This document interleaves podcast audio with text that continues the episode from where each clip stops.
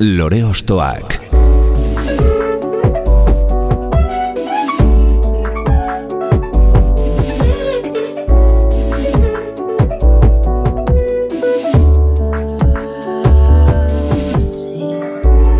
Ekain perezek aurkeztuta, gonbidatu bakoitza lore bat balitz bezala ostokatuko dugu. Jakiteko, zeintzuk diren bere lore ostoak. Haupa, zer moduz, ongi etorri lore ostoak saiora. Gaur gure lorategian, 2000 eta amaseian donostian sortutako talde bat izango dugu izpide. Dena den, proiektuaren azia Danimarkan ereintzen, bertan, gaurko gure protagonista, mila bederatzion laurogeita malauan jaiotako Markel Idigoraz partaideak, Erasmusen zegoela sortu baitzituen proiektuaren lehen akorde eta doinuak bere ukelelearen laguntzaz. Handik bueltan, bere barrena islatzeko eta biluzteko nahiura berekin ekarri zituen donostiara, eta Danimarkeraz biluzik esan nahi duen hitza erabili zuen taldea izendatzeko. Segituan bere alboan izan zituen Alex Irazustaren gitarra eta Ane Negeruelaren ahotsa, iruko moduan hasi ziren lehen pausuak ematen. Urta maieran olatz kuebas basuan eta jokin gilizagasti baterian batu zitzaizkien eta 2000 amazazpiko udararako boskotean aritu ziren zuzenekoak ematen. 2018 hasieran grabatu zuten Lift Till Doden izeneko lehen lan luzea eta anek taldea utzi ostean Eider Saez izan zen bere lekua hartu zuena. Beraien folk eh, pop doinuetan barrena bideiatu nahi dugu gaur, betiko moduan, gure musikaren altxorrak errepasatuko ditugu. Hau, lore ostoak da, eta gaurko gure lorea, nogen. Aztu nituen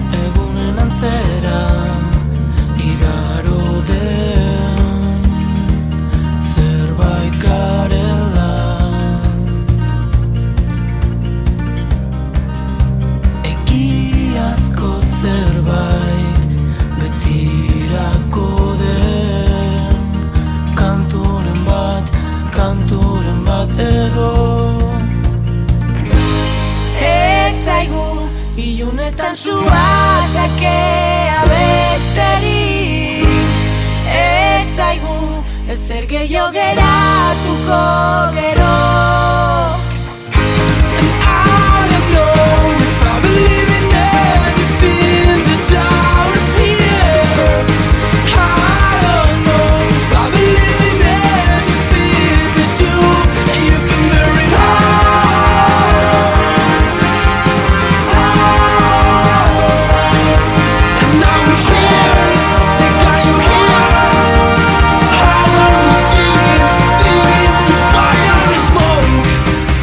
smoke? Lift Till Doden 2018ko albumetik entzuten ari gara keari izeneko abestia, eta zein hobeto kantu honeta hitz egiteko Markel Irigoraz, baino, kaixo Markel, Apa, geixo. zer moduz? Ba, ondo, ondo esan beharko. Bueno, badakizu lore ostoak saioan zu ostokatzea dugula helburu, zure biografia pixka bat ezagutu dugu, baino e, konta iguzu zuk nola sortu zen nogen edo zerk bultzatu zintuen bidea hartzera. E, bueno, dena hasi izan, ni Danimarka jo nintzen, eta han nik uste ba, aurkitu nintzala, o ez dakit esaten den bezala. Eta ba, han hasi nintzen abesti batzuk iten, eta gero Alexekin buelta inunean donostia, ba, inongo predispoziorik gabe. Abestiak egin, egiteko eta listo, eta elkarrekin jotzeko, etzen beste, beste zer. Mhm. Esan dut, okerez banago, nogenek biluzik esan nahi du Danimarkeraz ez? Bai, zehazki hortarako pixka bat sortu nun, e, edo sortu genuen e, ideia hau. Azkenen gure sentimenduk espresatzeko, ba, kanta formatu baten edo... Nolabait artistikoki biluzik jartzeko jendearen aurrean ez? Hori da, nolabait, e, barruko den askatzeko e, musikaz jantzita olako zioze. Mhm. Eta e, Lift Till Dodenek zer nahi du esan? E, hilarte bizi esan nahi du, Ilarte bizi? hori da. Aha. En, azkenen disko hontan pixka bat e, laburbiltzen da ba, espiritu hori e, momentu aprobetxatzekoa eta e, beti esaten dugun bueno, carpe diem hortatik pixka bat e, alden duz edo, baina beste enfoke bat eman da. Kuriosidadez, e, nola komposatzen dituzu e, abestiak, zein da zuen sorkuntza prozesua? Ba, normalean, bueno, gutxienez, lehenengo diskoan, e, bai alexek bainik eraman genitun ideia batzuk e, lokalera, eta geroan, ba, ideia hortatik, ba, abestia gorpuzten da, edo. Lanean egan disko berri honekin ere berdina gertatzen da. Ideia bat sortzen dugu etxean, eta azkenean hor lan egiten dugu horren gainean. Bueno, badaude gero ideia batzuk ere, lokalean sortzen dienak, eta horiek bastante politak izaten dira. Eta keari, entzun duguna bestian zer esaten diguzu, bertako hitzetan. Keari abestiak hitz egiten du, egia esan oso abesti tristea da, eta hitz egiten du dena galtzen degun momentuan zer gertatzen den, hau da, zeo zer egiteko berandu egin zaigunean, eta ez daukagunean, azkenean e, irakurketa hori egiten du. Hortikan zerbait on atera itekela, ba, agian bai. Bai, gutxi galtzeko eta asko irabazteko, ez? Hori da. Zati batek dio, aztu nituen egunen antzera, igaro den zerbait garela, egiazko zerbait, betirako den kanturen bat, kanturen bat edo. Nik uste musikari gehienok, ez dakit konstiente izan dala izan gabe, nolabait bilatzen dutela norberaren aztarna betirako usteko modu bat, ez? Fosil sonoro moduko bat izango balitz bezala edo prehistorian kobazuloetako gizonek marazkiak guzten zituzten moduan, ba, zure ondarea betirako gera dadin, ez? Baduzolako sensazio bat? Bai, nik uste, e, no genen saiatzen gala e, inmortalizatzen e, pixkat gure arteko momentu hori, eta orduan, ba, horian geratzen bada, gutxienez hiru minutu hogei horietan geratzen bada, e, guk esan egin genuen hori, ja, ja, ja, sta, ja libre gera. Gero, e, jendeak irakurtzen badu, ba, ba primeran, baina bestela, egitea, egite utxarekin, ja, Hmm. e, Pozik zaudete. bai, hori da. Nola topatu zinen ukelelearekin? Edo nolatan iritsi zinen instrumentu hori e, horren gertuko sentitzera? Ba, izan zen, Dinamarkara jo baino pixka lehenago. Familian, e, beti honez ingurtuta instrumentuz, eta e, bai izebagatik, e, musikaria dena, baita anaia ere ibiltzen da musikan, Mhm. eta bai, etxean dugu beti ohitura kantatzeko, eta, eta nik egia esan txikitatik eneukan mm, musikak e, pizten ninduen, baina eneukan inungo instrumentorik edo inungo Ba, loturarik edo- lotura berezirik hori da. Baino, ba, batean ukelele bat zitzaidan eskuetara, eta ba, jotzen hasi nintzen, eta nahiko... Maite mindu zinen instrumentuaz. Bai, bai, hori da, nahiko errex, nahiko intuitibo jotzen hasi nintzen, eta ba, Mhm. Eta hortik begira zer sortu den. hori da. Beno, momentu zalde batera utziko dugu nogenen musika, eta murgilduko gara ba, zure bizitzako euskal kantu edo lore ostoen bila, e, lehenengoa eskatuko dizut, zein da? E, katamaloren gurarika. Mhm. Eta zergaitik abesti hau, zer da e, bertatik gustatzen zaizuna edo...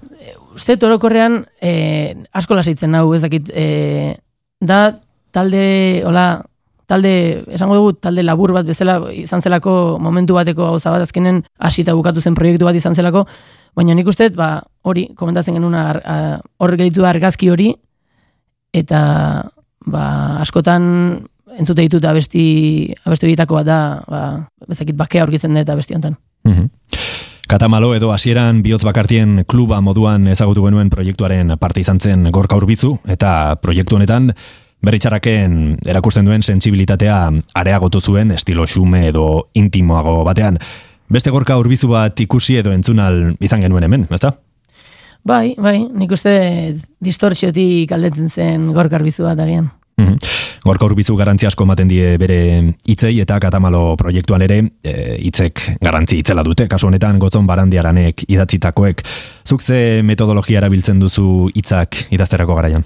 Ba, normalean e, letra gehienak ere bainik eta bai egite ditugu. Eta abestian arabera da nik uste askotan melodia batek gai bat proposatzen digu eta gai horri buruz e, idazten dugu. Eta ba, beste baten hitz batzuk e, biltzen ditugu agian e, paper baten eta horrek gero melodia bat ezurtzen du, ez daki. E, ba- batez ere nik uste e, gure letretan garrantzia ematen diogula e, edukiaz gain e, hitzak daukan sonoridadeari edo baitugu guk esaten dugu hitz dedekatuak ditugu ez, ez, ditugunak erabili. Ah, bai. zein, zein da horietako bat, kuriosia ez? Esan dezakezu? Ah, epela adibidez. ba, ulertzen dut ze, ze, ze rollotan zabiltzan bai. bueno, ba, katamalora itzuliz, entzun dezagun, hemen eh, Markel Irigorasen lehenengo lore ostoak 2000 eta zazpigaren urteragoaz bihotz bakartien klubarekin. Hau da, gurarika.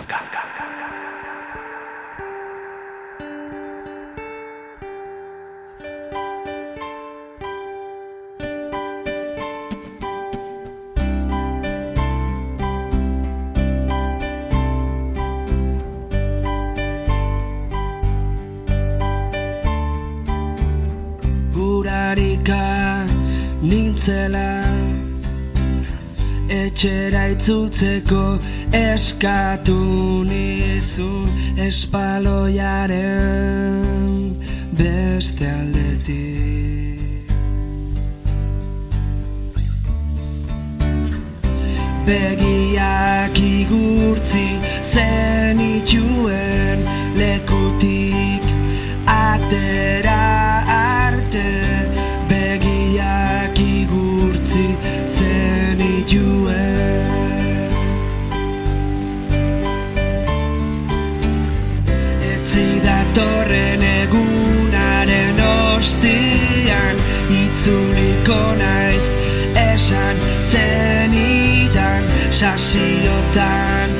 masustarik ez dagoenian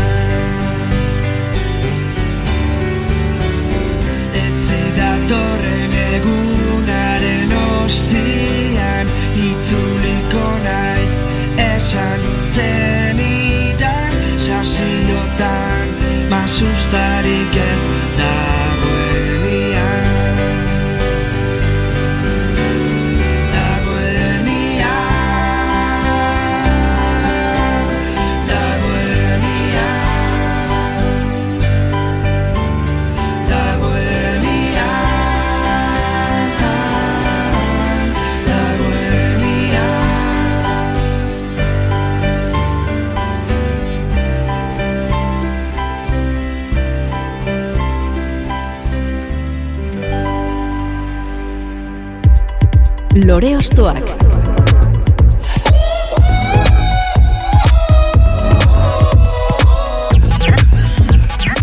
Katamaloren doinu intimistak alde batera utzi eta Markel Irigoraz nogen taldeko abeslari eta ukelele jolearen urrengo proposamenaren bila joko dugu. Zarekin guaz orain, Markel?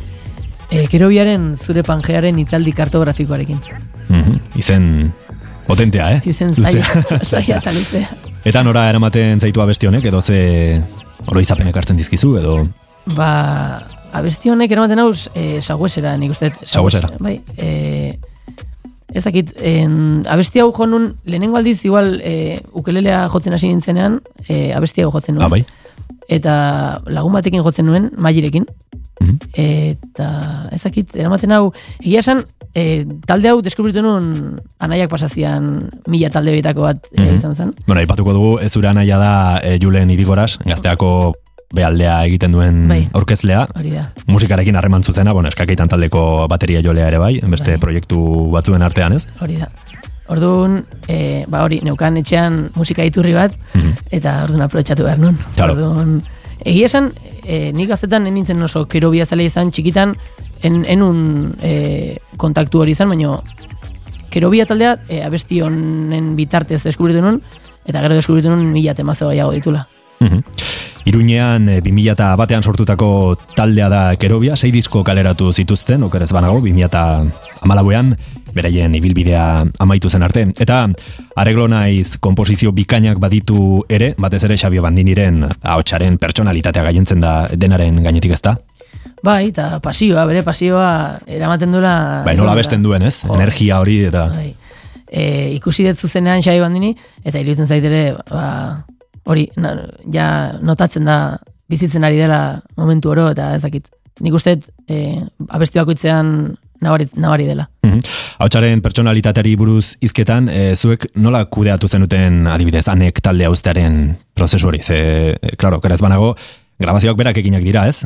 Bai. Eta gero zuzenekoetan jada eider zegoen. E, pentsatu zenuten gero eider aukeratzekoan e, ahots antzeko bat bilatzea edo edo ze, ze parametro erabili izan dituzten eider hautatzeko? Egia esan, hasieran eider agertu baino lehenago, dena izan zen drama txiki bat izan zen. Guk grabatu genuen diskoa, eta diskoa grabatuta, aurkeztu behar genuen e, momentuan, ba, anek ba, ikasketa batik utzi behar izan zuen taldea, Mhm. eta laguna gane, eta oso dena Bai, bai, bai, bai. Ez dago rollo txarrik. Ez da gorri etxarrik inondik inora. Baino, ba, zaila intzitzegun Bai. abeslari bat aurkitzea. Gainera, anek hain ondo kantatzen zuenez, eta duenez, e, Bai.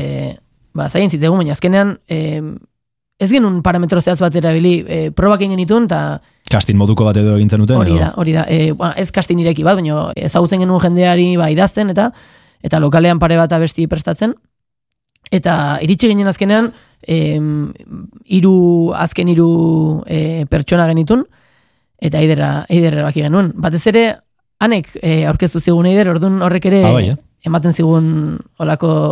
e, Bai, denak bere logika hartzen zuen eh, anek berak Bai. ekarri izan nahi berez. Guk ez genuen e, ezagutzen eider, eta, bueno, e, bere herri berdinekoa da, lazkautarra dia biak.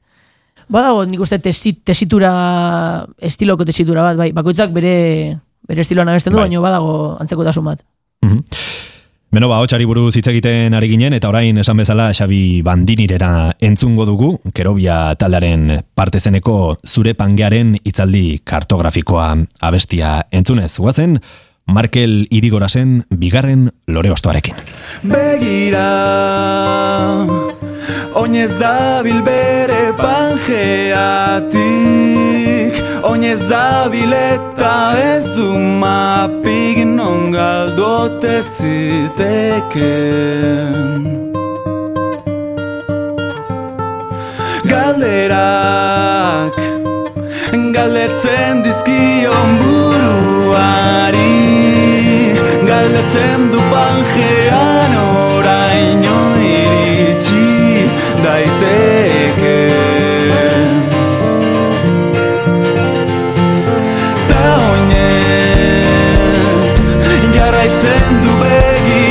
zer duen Bere oinen azpian zapaten aztarnak jarraitzen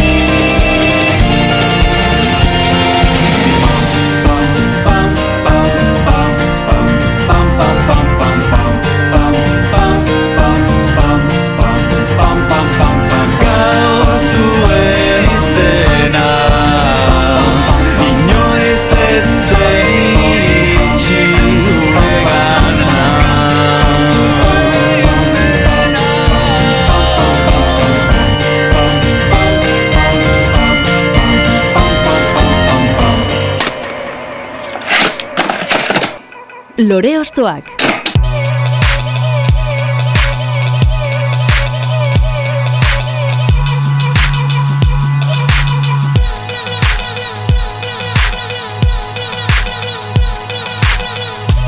Iruñaldean izan gara azken minutuetan Kerobiaren Supernova diskoko zure pangearen hitzaldi kartografikoa entzunez eta aurrera jarraituko dugu. Norago azorain, Markel?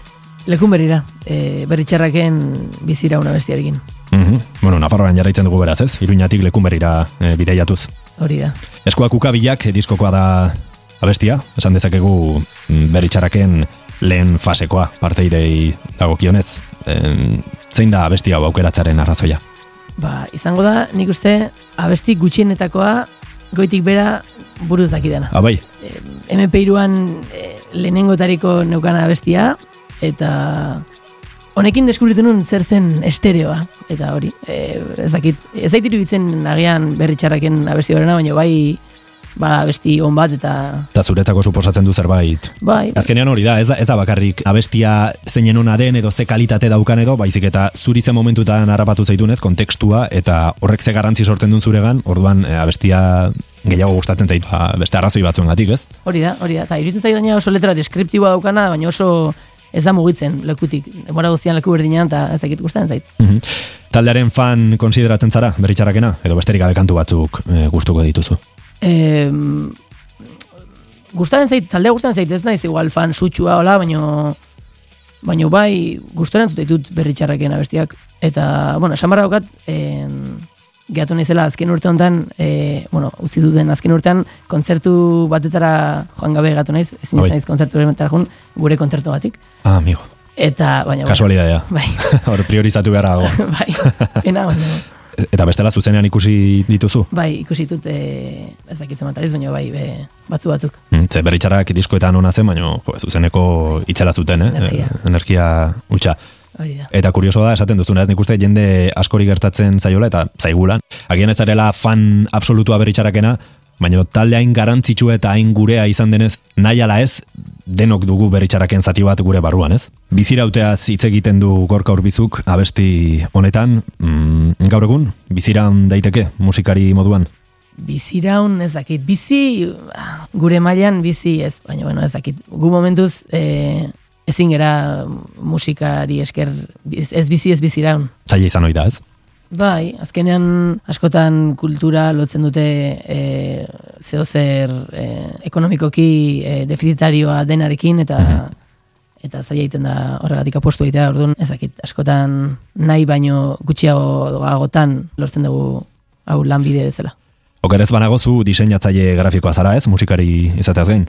Hori da, bai, e, nik uste lana eta pasioa e, nazte ditu dela, e, diseina, diseinua ere lana izateaz gain pasioa dut Mhm. musika bezala. Orduan, ez dakit, Bueno, hori ederra da, zure pasio batean lanean ibiltzea ere, egia esan bai, egia esan baude egunak agian ba, ez dela impasional, baina bueno, nik uste komeni dela normalean zure lana izatea zure gogoko zerbait edo bai, ze ordu asko pasako dituzu, bertan ez?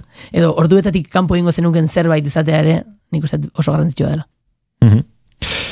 Bere txaraken biziraun hautatu du nogen taldeko Markel Idigorasek, bere urrengo lore osto bezala, 2000 batean kantu honenari gazteasaria irabazitako abestia. E, aipatu duzu familian orokorrean musika zaleak izan zaretera zure gurasoak ere bai? Bai, bai, nik uste e, bai ama eta bai aita. Mhm. E, aita da horietakoa abesti bat entzuten duena eta e, gero ba, abesti horren bertsio, mila bertsio bilatzen dituenak eta buklean jartzen dituena. Eta- kantu, kantu batekin obsesionatzen den horietakoa, ez? Hori da, hori da. Ba, nik uste ba, denok ea pixka bat agian ezakit, eh? Ni Bai. gutxinez ba naiz pixkat kantu batekin obsesionatzekoa, Baita ni ere, eta erretzen duzu abesti hori zu eman arte. Baino, bai, ezakit, e, badauka musika, musikarieko pasio hori. Eta hori zuei transmititu dizuen nola baitaz? bai, uste bai, ez, hortik, familiatik asko, asko dator gutxienez. Bueno, ba, guazen esan bezala, 2000 eta bat garen urteko lekun berrira, lehen katamalo taldean entzun dugu gorka urbizu, eta orain berri txarrak talde erraldoiarekin egingo dugu bat, eskuak ukabilak diskoa hartuko dugu, hau da, Markel Idigorasen urrengo lore ostoa, berri txarrak bizira. Ezagutzen ez duran herri batean Bapatean isilean bezala gertu naiz. Kafetegi barura sartu lekua hartu Eta nire ingurura begiratzen jarri naiz. Bikote bat musuka mundua desafiatzen Bizitza xurgatzen, musuz musu maitasuna puzten. Ez dute bestentzako lekurik apena susten Telebistari begira jarri naiz, naiz, naiz, naiz, naiz Eta albistek berri guztiek, berri gehienek Hortzak erakusten dioten zorionari, zorion apurari Zantzek ez ez, ez, ez, euskarari. Hiru palestina zugora, Real Madrid gola Arma tiro, pum, matxilotu lotuak edo nun Eta galdetzen dut, zero denenan Bizi ala iran, bizi ala iran, bizi iran zuarik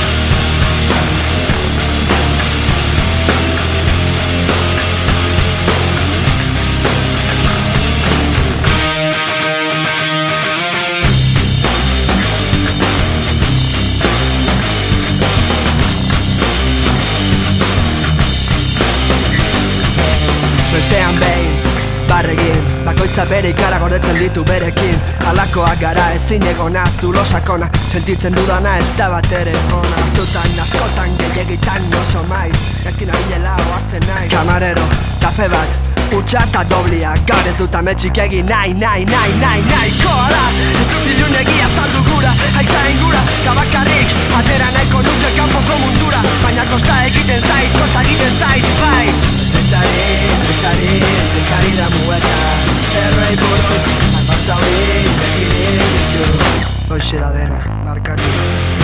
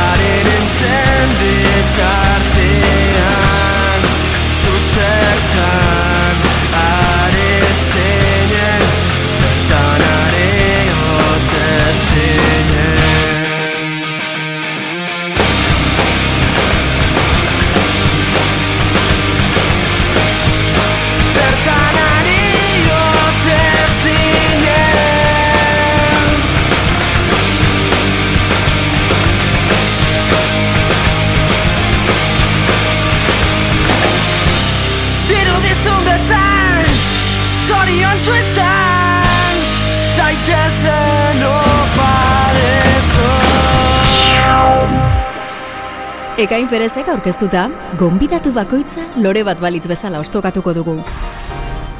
Lore ostoak.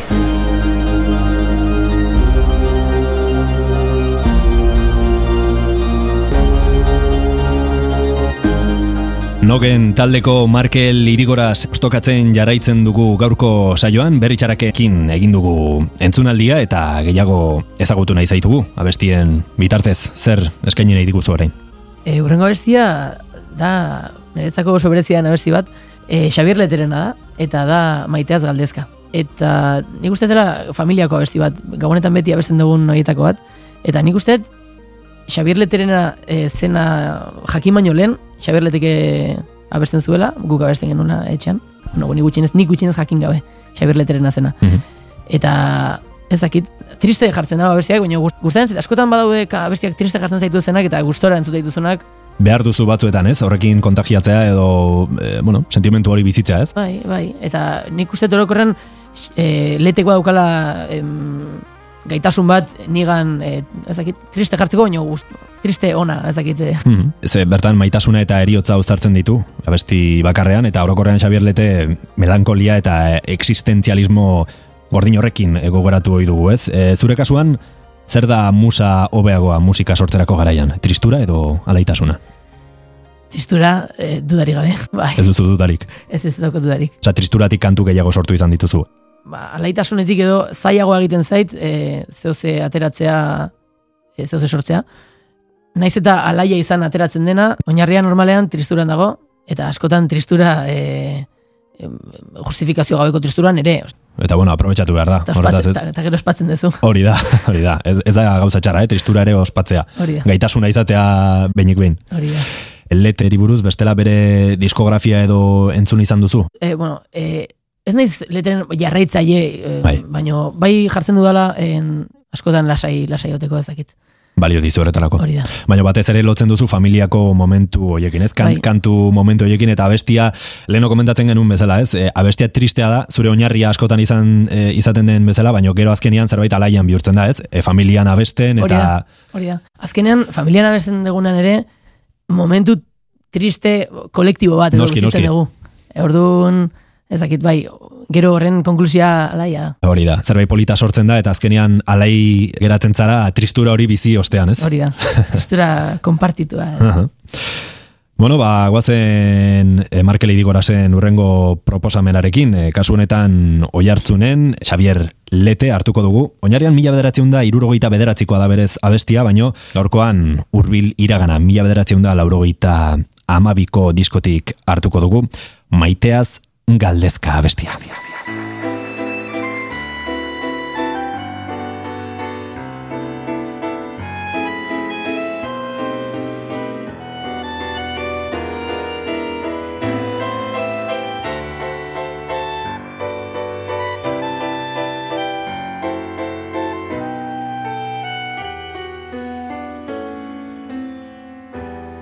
Egun senti batetan maitea zen ila Kalera irten nintzen jainkoaren bila. Nerekin aurrez aurre esplika zedila. Behingo zutzi zezala zedu goi isila. Zutaz maite egina dut galde Zutaz maite egina dut galde. Bakardade handi bat neukan bihotzean Negar egiten nuen zutaz oroitzean. Galdera egin nion jaunari hotzean Gizonok noragoaz mundutik hiltzean Zutaz maite egina dut galde Zutaz maite egina dut galde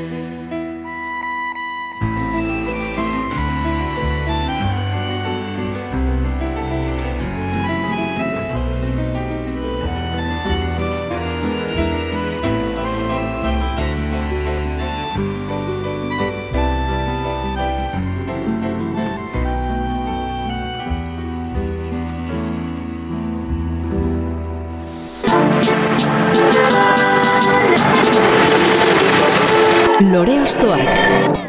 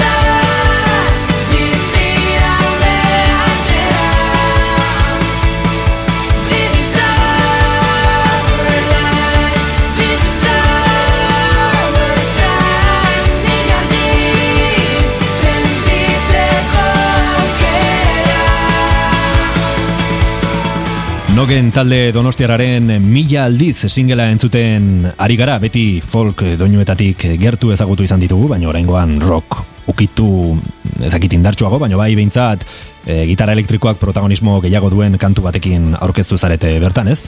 Bai, ez dakit soinu ezberdin batekin. Mhm, Zer dela eta aldaketa estilistiko hau edo Ez dauka arrazoiek ez dakit eh, indarra behar genuen momentu honetan, eta indarratea zaigu, ez Mhm. dakit. Nola sortu duzu beste hau, leno ipatu duzu kantu batzuk en, etxean sortutakoa direla, besteak lokalean, hau enondik atera da. Ba, hau zazki lokalean atea zen. Hau e, atxalde baten, hola, etxea gindoa zen ja, ja komposizioa bukatzen, e, pixat blokeatuta, Aha. eta f, atea zen Alexen riff bat, e, melodia bat estrofako, eta estribilloa, gero atea zen estribilloa momentu una beste nola, eta hola atea zen. Askotan, denbora gutxian, e, agian egoten zara ensaiatzen orduak eta orduak, eta gero bost minututan Bai. ateratzen da zerbait gehiago balio duena, ez? Hola, abesti hau hola atea zen, e, minutu gutxian. Uh, ze ona. E, badakit aritzaregirekin usurbileko estudioan grabatu zenutela e, aurreko diskoa, hau horrela egin duzu, bai, hau? bai, kantu hau bai e, komposatzen ere garen diskoa ere e, aritzekin grabatuko dugu. Eta bai, egia esan plazera aritzekin grabatzea ez dakit. E, Gustora goten zara zarete. ze Berarekin, esango ez? ze esango izut zuri. e, Bai, bai, bai, ondo ezagutzen dut aritz, bai, bai, bai. Eta pertsona ona, langile fina, eta Bai, marabia. bere estudioa ere oso polita da, non dagoen, usurbileko mendian. Bai, leku polita, ez dakit, e, magikoa ez dakit, igual. Eta orokorrean aritz oso laguna, aritz jatorra. Or, Bai, jende ona. Bai, jende ona hori da. Eta iderrekin egindako lehen grabaketa da, ez? Honakoa? Bai, bueno, eh, lehenago atea genuen e, single bat marean e, izenekoa disko eta disko arten. Eta hor bazegoen, ja. Hor bat zegoen, e, baino, bai, egia esan, e, hau da e, disko berriko, la, e, aro berriko lehenengo iderna bestia. Mhm. Eta hitzei dagokienez, ez esaten diguzu bertan? Itza egiten du pixka bat, e, e, ba, abesti batek nora eraman zaitzaken horri buruz. E, azkenan musika entzuten dugunean, e, askotan abesti bat peinta berri entzuteak gero eramaten gaitu ba, lekuren batera e, o- lehenengo aldiz entzun genuen momentu hortara. Mhm. Eta Leno ipatu dugun, ba, beritxaraken abestiarekin bezala, ez? Edo- hori da, hori da. Ah. Eta abesti honek hitz egiten du ba, horri buruz. Bueno, zuen musika aparkatuta utziko dugu momentuz, e, jarraitu nahi dugu Euskal Kantuen zure zerrenda pertsonal horretan barrena, beraz, beste talde eta kantu bat eskatuko dizut. Bai, e, urrengo kantua oskorriren furra-furra. Mhm, Euskal Herriko beste ereserkietako bat, ez da? Bai, e, niri eramaten hau, ni eramaten hau txikitara. E, txikitan, e, nea nahiarekin e, salan dantzan. Hiru hiru bost urterekin ez dakit horrelako zeu zen. Gaina badago e, bideo bat e, txikitakoa gurea eta ez dakit abesti hau den, baina oskorriren bat e, izango da.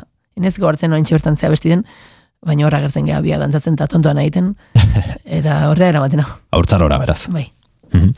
Ahotsaren eta koruen tratamenduan maixu dira baita ere Nacho de Felipe eta konpainia. Zuek ere oso zaleak zarete, ez? Ahotsak harmonizatzearen kontuarekin. Bai, bai. E, batzutan gehiegi, batzutan pasatzen ensai, ensaiotan mozu argea, Ja. baino bai gustatzen zaigu egia esan. Uste dut, ez dakit ze elkarrizketetan edo e, ikusi nizuen esanez, e, bai egiten dituzuela batzutan ahotsen saioak, ez? Bai, hori da. E, askotan igual abestia, ba, komposizioa nahi bidez, abestia itxita dagonean, e, instrumentalki, ba, hautsekin goaz, da, eta, eta hotxa bakarrik. Mhm. Gainera polita da, e, taldeko parteide guztiek neurri ezberdinean bada ere abesten duzuela kantuetan, ez? Bai, hori da. Norberak, norbera sortzen ditu koruak, ala nola osatu dituzue ahots kapa ezberdin horiek? E, proposatzen ditugu eta gero ba, e, limpia bat edo egiten dugu, baina azkenen guztion artean erabakitzen ditugu. Mhm. Baude agian koro batzuk, ba, komposizioan batzutan badaude koro batzuk betatzen direnak, bata bestearen artean agian e, Ja. melodia gorrotu dugulako, ez horrelako horrelako kontuengatik.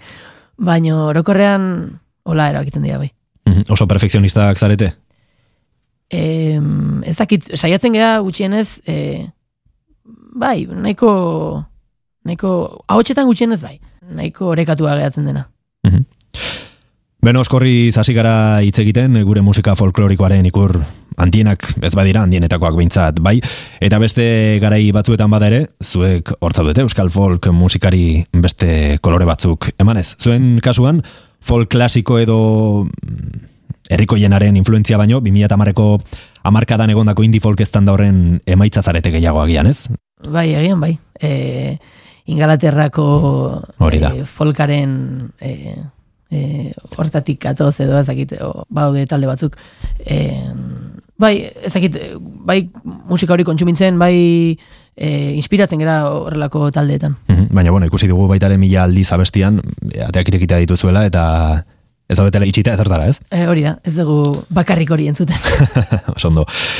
Bueno, ba, jarrai dezagun eh, Marke Lidigorazen urrengo lore ostoarekin, kasu honetan Nacho de Felipe eta bere taldearekin, Bilboragoaz, mila bederatzen da amaikean sortutako taldea, 2000 eta amabostean eh, amaiera emandakoa, Oskorri, plazarik plaza, mila bederatzen da laurogei garren urteko diskotik, hau da, furra, furra.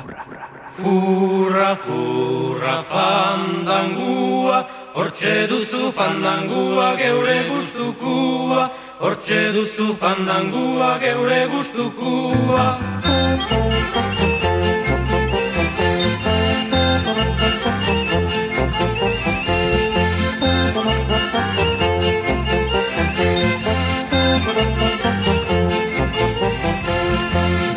Goizian jeiki nahi zuerte honian Tanke bat topatu du neure kafesnian Ez dakit zer daukagun bake ala gerra Baina nik bada espadan egin dut puzkerra Furra, furra, fandangua Hortxe duzu fandangua geure gustukua Hortxe duzu fandangua geure gustukua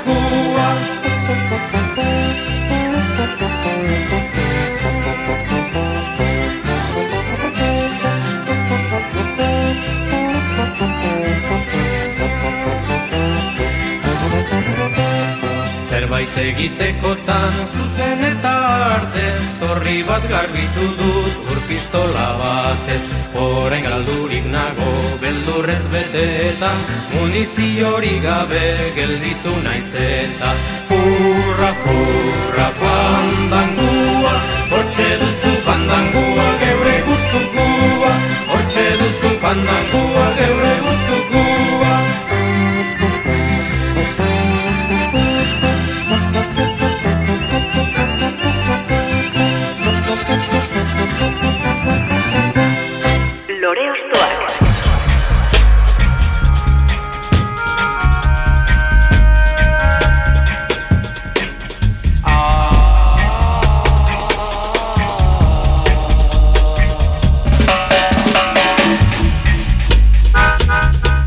Furra, furra, oskorriren abesti alaiaren energia positiboa geure ganatu dugu Markel Irigoraz, nogen taldeko partaidearen eskutik eta komentatzen geunden hemen abestia entzuten ari ginela, nola ze abesti kutsakorra den, ez? Eta segituan konturatu gabe abestera eh, behartzen zaituen, kasik ez? Bai, nik uste berezia dela eta eta askotan eskertzen dela. Abestera eramaten zaituen abesti bat hor, ah, ezin duzu, ezin duzu gaina zure zure aurka egiten Claro. eta abestu behar duzu. bai, bai. Eta sortzerako garaian ere nik uste helburuetako bat dela, ez? Gero jendeak zuen abestiak abestea, ez? Hori gauza polita izaten da. O kontzertua ematen ari zarenean jendea zure abestia kantatzen ikustean, esaten duzu, ostras, eh, hemen zerbait gertatu da, ez? Ni konturatu gabe, zu agian etxean zinen, sortu duzu eta eh, kontzertura joan zaren erako ja jendeak badakizura abestia, ez? Hori magia moduko bada. Hori da pasada e, e, nik uste ez dela, el, igual ez da helburu, ez dezu helburu horrekin egiten abestia, baina bai da zehose magikoa eta pf, ematen dizu, kriston pila ematen dizu. zakit, da, ose, lehenengo aldia gertatzen denean, niri intzitzaidan oso, ez dakit, oso polita, oso... Bai. Hori da, em, jendeak euki dezaken modu onena zuri abesti hori eskertzeko. Mhm. Abestea, listo, Claro. da, jazta. Hori da kritika honena, ez? Hori da kritika honena. Bueno, Bilbo inguruan ibili gara oskorrirekin, esan bezala, eta urrengo proposamenarekin, e, noragoaz, Markel? e, donostialdea, Mhm. Zenekin? en, Madeleine taldearen ura kantuarekin. Aha. Madeleine gure gomidatu moduan izan genuen, eta leko gartxotun zain abeslaria, eta, bueno, zergatik aukeratu duzu abesti hau. En, abesti hau, e, bueno, nik Madeleine duela gutxi deskubritu nuen. E, baina abesti hau Madeleine deskubritu, baina lehenago deskubritu nuen. Ah?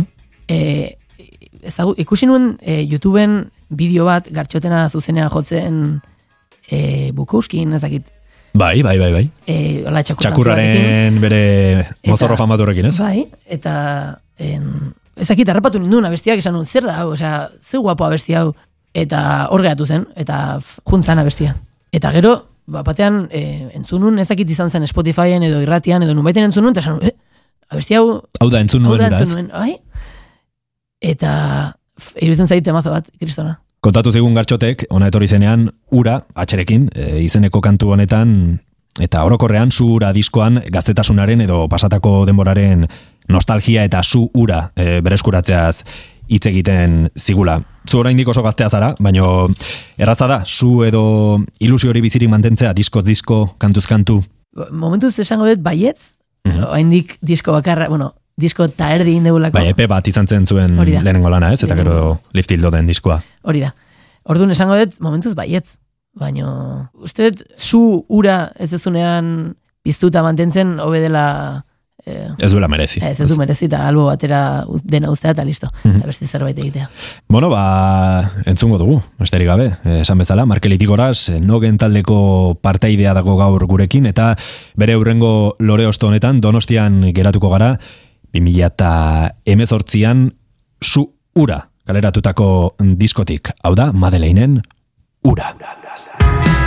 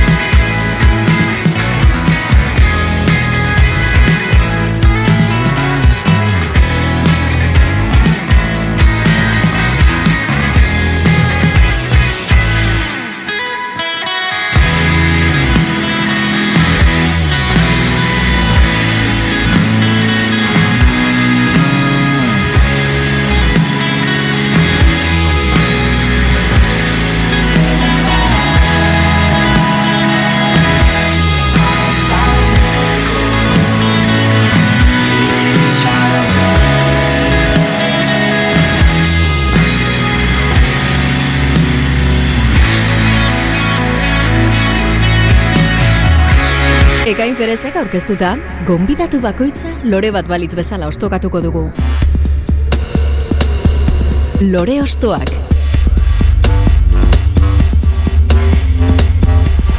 Madeleine Donostiaren zu ura diskotik ura abestia da entzun duguna, gurean izan ziren Madeleine, gartxot unsainekin gogoratu eitb.eus bara euskal kantakatarian entzun dezakezula saio hori eta gaur beste donostiar bat da gurean, Markel Irigoraz. Markel edo Markel? Ze nik lagun bat badut Markel edo Markel eta beti aserretzen zait batzutan esaten diot Markel eta berak sa- esaten dit, ez? Joe, Markel. Zure kasuan nola? Nire kasuan beti deitu izan diate Markel, baina... Markel. Berdin zait. Niri gehiago gustatzen zait Markel. Nire lagunari ez, baina bueno. Vale, ordan. Neri, neri ere, baina... Markel esango dizut ordan.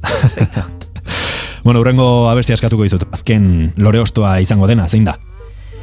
E, Kentzazpik, e, Euskadiko Orkestarekin garatu zuen diskoko egoak astindu.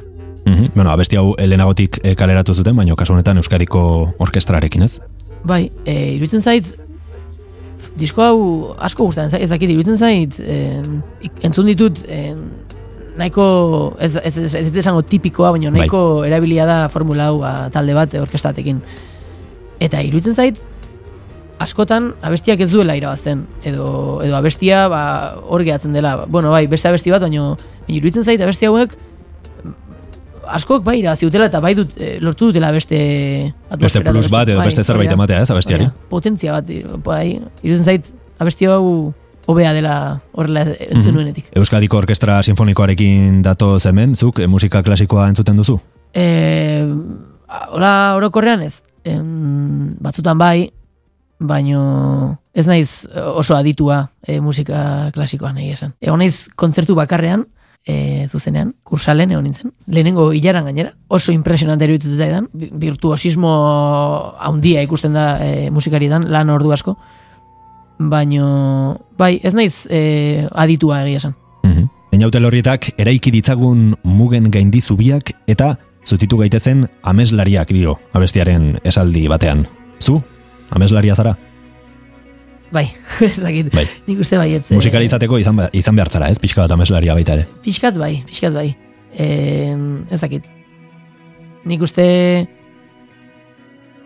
beti pentsatzen dut hola pixka bat da, badagola bizitzeko zerbait, oraindik hor nunbait, eta oraindik gure zai dagoena bizitzeko.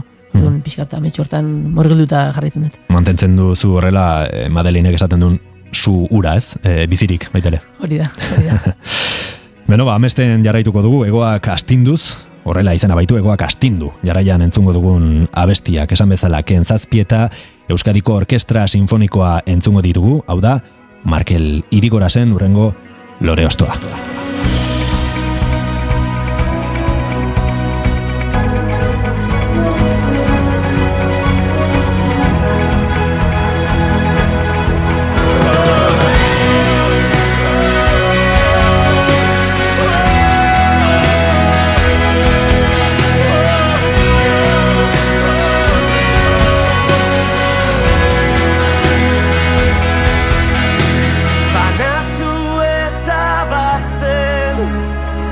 ghost and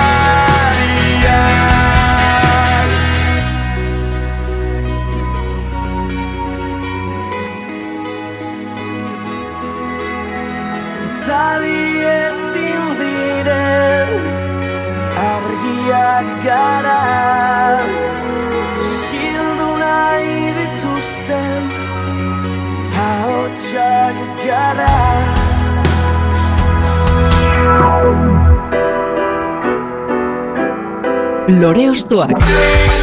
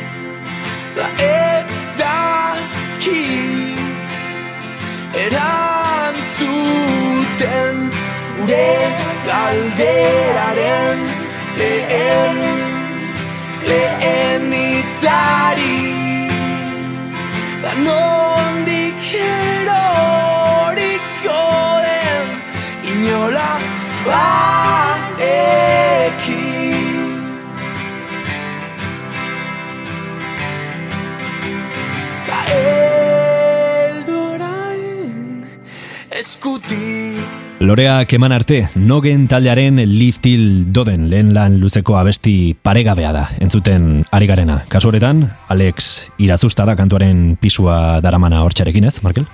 Bai, e, abesti hau, e, Alexek egin zuen nik uste dut goitipera. Ah, bai. E, bai. Ekarri zuen lokalera eta pff, ez dakit, flipatu genuen denek. Mhm. Gero zukor, e, alare hartzen duzu protagonismoa, ez? Momentu batean zu zara e, lehenengo hatxa kantuaren bukaera aldea, edo... Bai, hori zati, zatitxo bat bridge bat edo e, abesten denik, baino, bai, e, bueno, e, esan barra dago, em, guztiok abesten dugula abesti honetan koroekin eta dena. Bai, gainera garrantzi asko dute hemen ekoruek, Bai. abesti honetan. Abesti bat nik uste zuzenan gozatze horietakoa, baino ez entzuten, eh? Eh, jotzen baizik.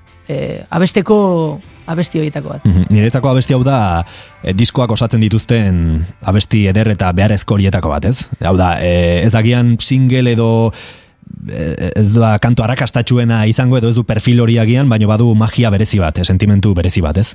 Bai, hori da, hori da. E, ezin nuke beto esan, ez dakit da, abesti, diskoak behar duen abesti hori, eta isili-isili sartzen dena diskoan, eta horregon behar dana, eta kriston temaza dana. Mhm.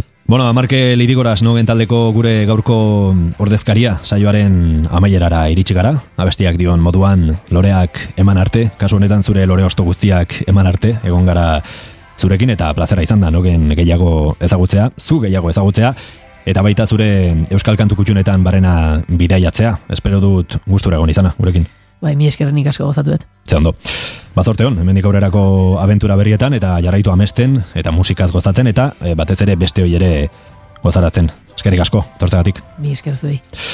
Eta zuri dagokizunez, entzule, beste behin esker mila gure alboan irratia entzuten izateagatik gogoratu, saio hau edo besteren bat berri zentzu nahi baduzu, eitb.eus barra euskal kantak atarian topatuko dituzula. Bertan, lore ostoak saioaren atala klikatu eta hainbat talde ostokatuko ditugu elkarrekin. Nogeren loreak eman arte entzunez, bagoaz, urrengo saiora arte. Ondo izan, aio! Zugan bizi den beste inor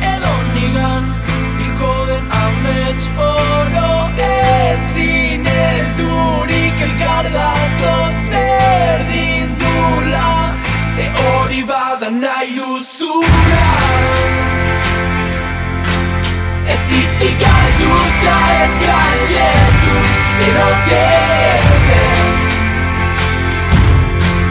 Dantzen jartzen gertu nahion Musikari gabe.